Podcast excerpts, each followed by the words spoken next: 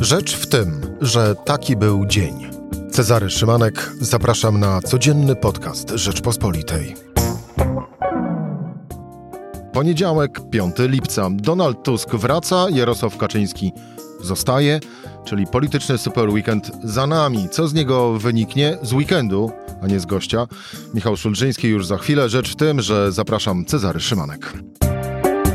Słuchaj na stronie podcasty.rp.pl. Włącz Rzecz w tym w serwisie streamingowym.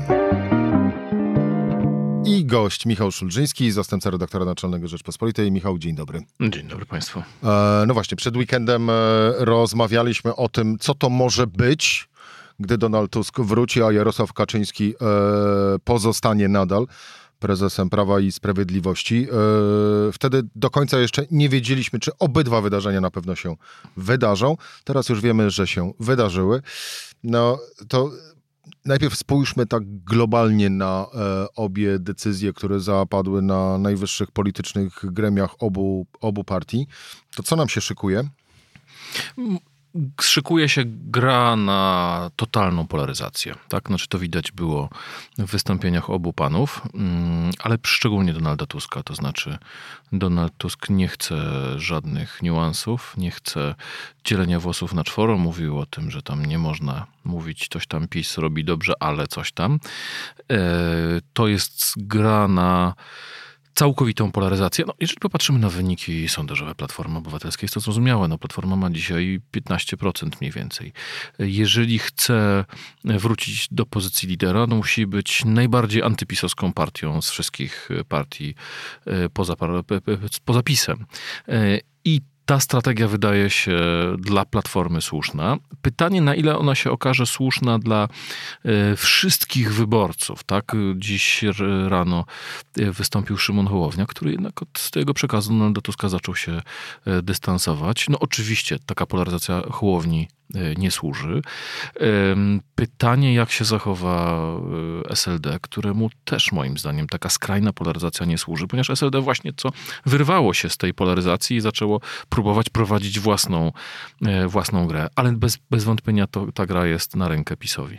Bo przecież nie ma czegoś takiego jak przepływ elektoratu po skrajnościach. To nie jest tak, że ktoś, kto zagłosował e, trzy razy w wyborach w ostatnich latach na Jarosława Kaczyńskiego i na Andrzeja Dudę, teraz wybierze Platformę Obywatelską Donalda Tuska. E, w związku z tym raczej chodzi o um, posprzątanie tego miejsca i zdominowanie w całości. To znaczy, żeby Tusk dostał całą pulę z wyborców e, antypisu, a żeby Kaczyński dostał całą pulę z wyborców PiSu. Obu tym partiom jest to na rękę to takie globalne spojrzenie. E, do Donalda Tuska wrócimy e, za chwilę, ale wpierw, e, no właśnie, wpierw o Kongresie Prawa i Sprawiedliwości.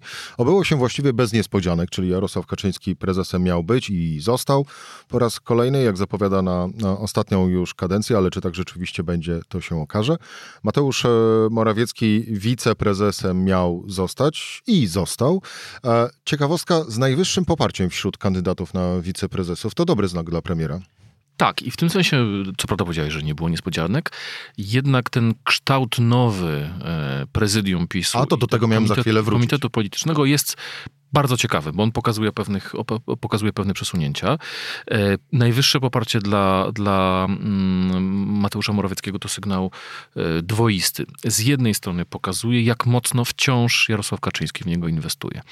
E, I z tego sobie zdali sprawę działacze PiSu. To znaczy, oni od dawna wiedzieli, że Kaczyński wciąż inwestuje w Morawieckiego, ale teraz uznali, że nie ma alternatywy. Tak? To znaczy, teraz uznali jak gdyby tą decyzję Kaczyńskiego, bo zupełnie co innego uznawać, że Kaczyński jest liderem, a zupełnie co innego uznawać, że tym jego pierwszym zastępcą, no de facto pierwszym zastępcą został Mateusz Morawiecki. E, tym natomiast, co mnie zaskoczyło w kształcie e, tego, tych, tych ciał najwyższych, czyli po pierwsze w prezydium, jest to, że pozostawiono w nim Antoniego Macierewicza. E, dlatego, że po obchodach kolejnej rocznicy katastrofy smoleńskiej pojawiły się mm, sugestie, że Antoni Macierewicz prowadzi grę, żeby nie zostać usuniętym z, z, z prezydium, żeby dalej być tym wiceprzewodniczącym. To, jak został potraktowany ten słynny list, który musiał napisać z prośbą do Jacka Kurskiego o wyimitowanie jego filmu, to jak ten film został całkowicie zignorowany przez Prawo i Sprawiedliwość, mimo że Antoni Macierewicz jest urzędującym wiceszefem partii i chyba szefem wciąż podkomisji smoleńskiej. Chyba nawet rezyduje w, w, w Pałacyku Ministerstwa Obrony Narodowej naprzeciwko Belwederu. E, to wszystko pokazywało, że notowania Antoniego Macierewicza dramatycznie spadają. No, ale a tu nagle się okazuje... To, że to jeszcze nie jest ten czas, żeby... A tu się nagle okazuje, że jednak PiS odcinać. oczej potrzebuje tego Mateusza Morawieckiego, e, technokraty, który mówi językami obcymi, e, dogaduje się tam w Brukseli i tak dalej, ale żeby dopieścić ten twardy elektorat, to jest potrzebny Mateusz, Mateuszowi Morawieckiemu na równowagę Antoni Macierewicz. Bo Anusz Widelec trzeba będzie go znów, w sensie Antoniego Macierewicza, wyciągnąć przed kolejnymi wyborami, bo może się okazać, że znów będzie, znów będzie potrzebny. To jeszcze przy kongresie e, PiSu dwie rzeczy e, z takich niespodzianek. No to chyba niespodzianką, chociaż bardziej dla samego zainteresowanego, no to było e, odsunięcie Ryszarda Czarneckiego od ważnych funkcji partyjnych. Tak, i tutaj ta, ta podmianka, czyli Ryszard Czarnecki wychodzi z Komitetu Politycznego, wyszła też Beata Mazurek i Elżbieta Rafalska, wszedł tam na, na przykład Michał Dworczyk, co jest takim sygnałem, e, że jego pozycja w aparacie partyjnym też rośnie, tak? bo to, że on był prawą ręką i głównym generałem w armii Mateusza Morawieckiego to było wiadomo nie od dziś. Zresztą po rozpoczęciu, czy po tych pierwszych wyciekach z jego skrzynki mailowej, tak tłumaczono to, że no, premier nie może się zgodzić na odwołanie Dworczyka, ponieważ jest to osoba, bez której ileś tam by się projektów zawaliło. E, no a myślę, że jednak odejście Ryszarda Czarneckiego ma jakiś związek z problemami z roz, rozliczeniem y, kilometrówek w Parlamencie Europejskim. No i trochę by było dla PiSu obciążeniem twierdzenie, że my tutaj e, szósty rok zaostrzamy y, reguły moralne, bo to pewnie zaraz będziemy rozmawiali o słynnej uchwale y, antynepotystycznej. No a równocześnie tutaj jest w naszym gronie ktoś, kto. No ja, ja nie mam wątpliwości, że Parlament Europejski prześladuje mm, Ryszarda Czarlenckiego z powodu jego przywiązania do tradycyjnych wartości i że to jest po prostu zemsta za to, że on e, broni praw rodziny i sprzeciwia się LGBT, bo, bo, no bo to przecież jest oczywiste. No, zdziwiłem się tylko, że, że po prostu PiS tak łatwo do, do, do, dopuścił się, że dołączył do tego hejtu na Ryszarda Czarneckiego dla y, tych słuchaczy, którzy w tym momencie dopiero włączyli y, y, podcast Rzeczpospolitej.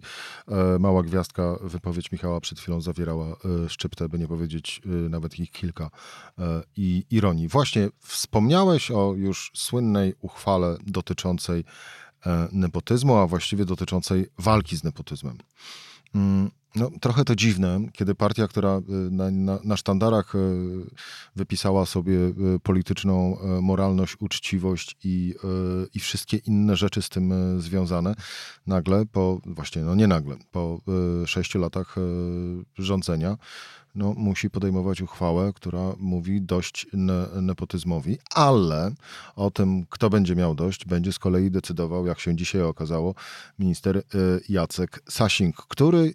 Wicepremier. Jacek. Wicepremier, przepraszam, wicepremier Jacek e, Sasin, minister aktywów państwowych, który, no, przekładając na życie w firmie, stał się takim głównym HR-owcem. E, głównym HR-owcem, tak. E, to znaczy, ja mam jedną, mam kilka wątpliwości. Pierwsza wątpliwość dotyczy tego, że Jarosław Kaczyński przedstawiał kwestię nepotyzmu po stronie błędów PiSu.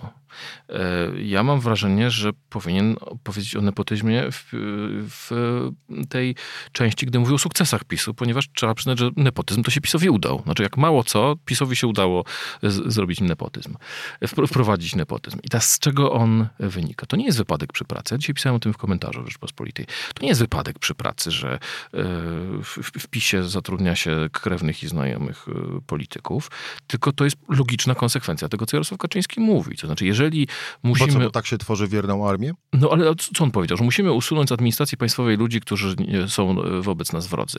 To znaczy, że musimy wyrzucić wszystkich tych, których PiS nie mianował i dać na ich miejsce tych, którzy są jedynymi kompetencjami jest to, że są z PiSu. W związku z tym ta, czy nazwiemy to nepotyzmem, czy nazwijmy to partyjniactwem, czy, e, no bo powiedzmy sobie szczerze, to jest drugorzędne, czy w spółce Skarbu Państwa w Radzie Nadzorczej będzie zasiadać e, syn, e, czy asystent posła. Tak? Znaczy, to, to mechanizm jest dokładnie ten sam. To znaczy, to nie jest mechanizm kompetencji.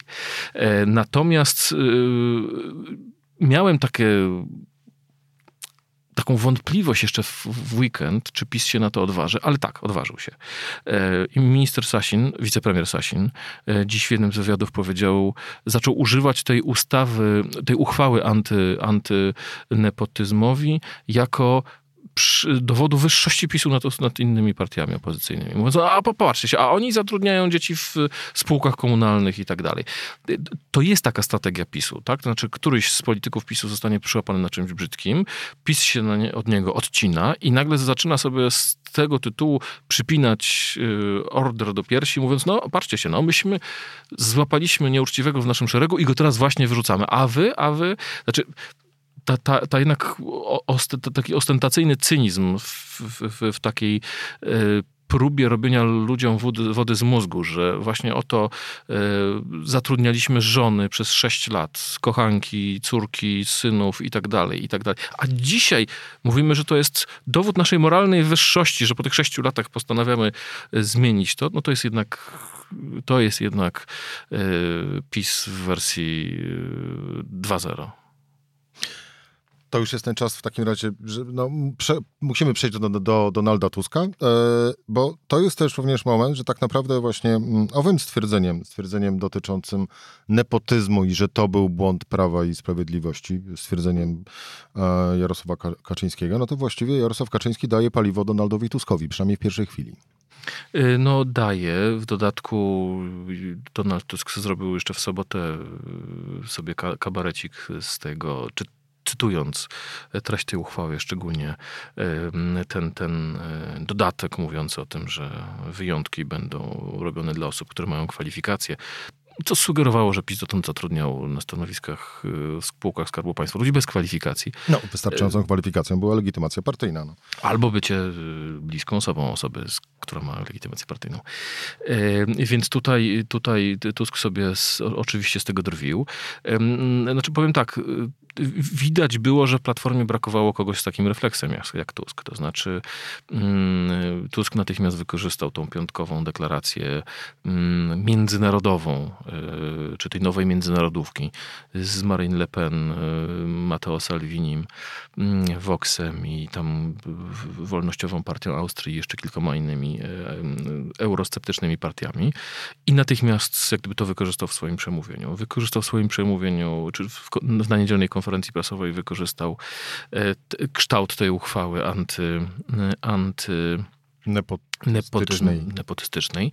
E, I teraz powstaje pytanie, to znaczy to było bardzo sprawne wystąpienie Tuska. Ono było y, niezwykle zgrabne, że Tusk pokazał, że jest właśnie politykiem, który no, rozumie rzeczywistość, rozumie media, wyłapuje takie rozmaite smaczki, wie, jakie będą z jego wystąpień tak zwane soundbite'y, czyli właśnie okrągłe zdania, które się przebiją, są nośne i mają tę moc. Tylko właśnie pytanie, mm, na ile tego paliwa wystarczy Platformie. Tak? To, to, oczywiście po, początek ciężko twierdzić, e, że tylko tak będzie się zachowywał Donald Tusk, tak? ale mm, dziś mam wrażenie, to jest świetna twitterowa zagrywka. Znaczy Donald Tusk pokazuje się jak, jako y, osoba dobrze władająca mediami społecznościowymi, wyłapująca właśnie w mediach społecznościowych rozmaite trendy, śmiesznostki i tak dalej. Pytanie na jak długo tego paliwa Platformie wystarczy, albo co jeszcze ma w zanadrzu Donald Tusk. Bo to, że on jest sprytnym szermierzem, to widzimy widzimy. E, natomiast y, czy, czy to będzie mm, nie chcę użyć jakiegoś przykładu złego, ale jest na Twitterze kilku takich szermierzy. O, na przykład Radosław Sikorski. Jest takim szermierzem e, po stronie opozycji Roman Giertych. Jest takim szermierzem też Bartłomiej Sienkiewicz.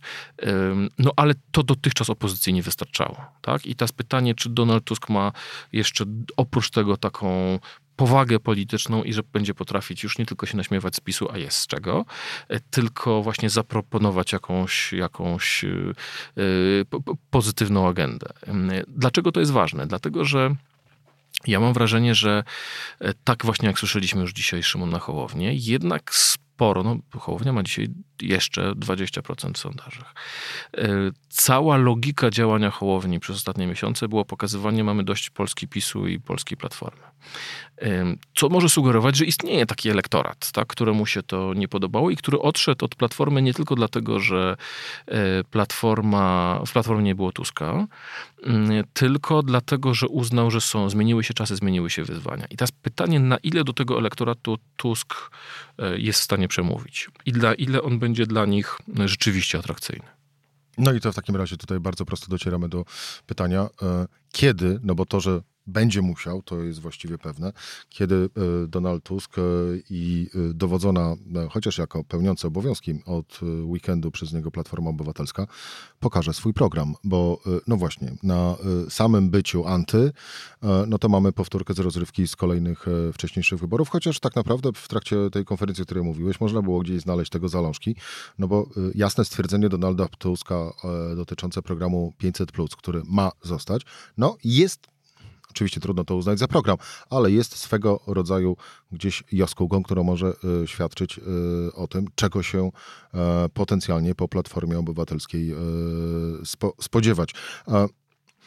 Michał, to... Ale to, to jest, to, jeżeli mogę, mhm. to jest tak naprawdę trochę roz, rozminowanie bomb, które na niego czekają. No bo będzie wiadomo, że jak opozycja ma krytykować, czy jak y, opozycję będzie krytykować PiS, znaczy Tuska? No, będą dwie rzeczy, czyli on przyjdzie, zabierze 500 plus i on przyjdzie i e, tak naprawdę przywróci wiek emerytalny. No i Tusk dokładnie te dwie rzeczy roz, rozminował. Powiedział, to co było dane zostaje i przepraszam, to był mój największy polityczny błąd, e, podniesienie wieku emerytalnego jako e, obligatoryjne. Trzeba było to zostawić decyzji wyborców.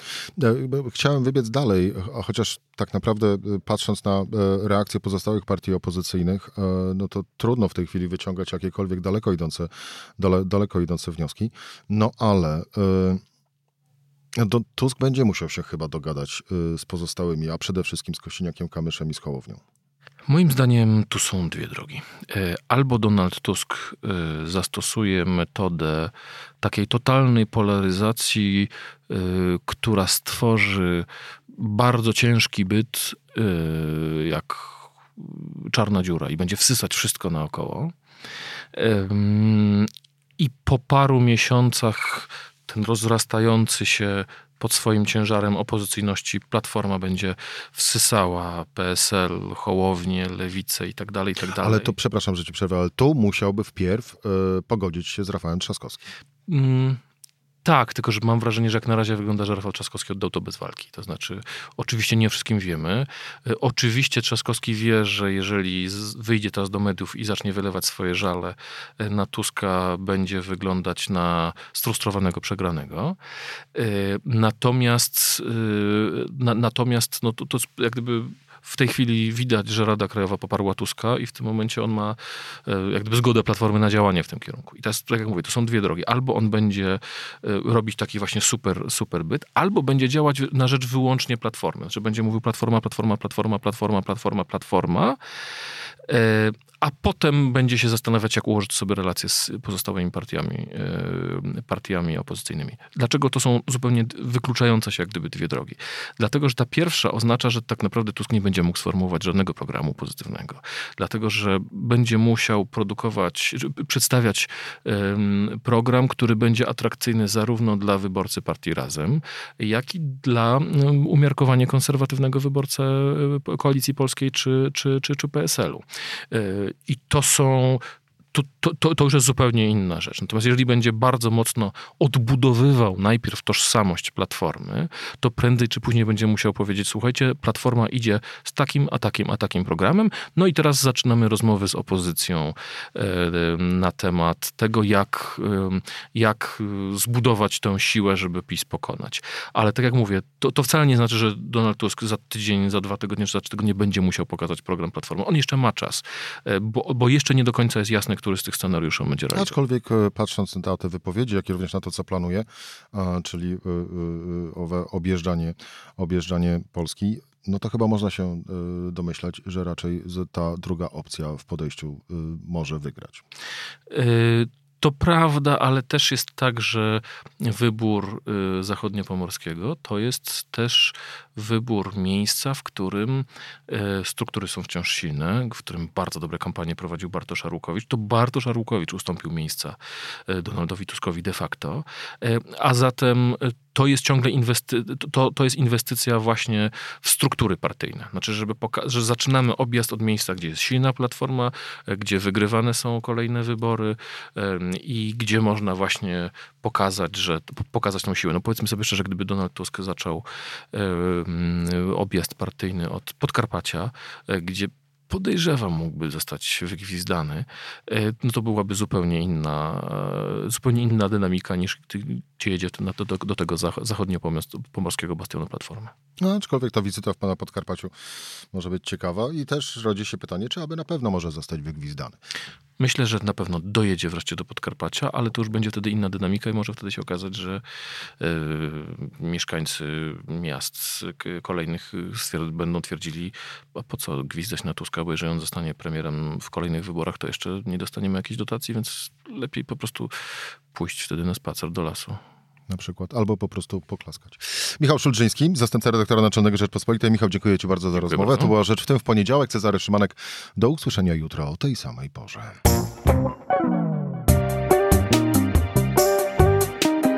Rzecz w tym to codzienny program Rzeczpospolitej. Od poniedziałku do czwartku o godzinie 17. Słuchaj na stronie podcasty.rp.pl. Włącz Rzecz w tym w serwisie streamingowym.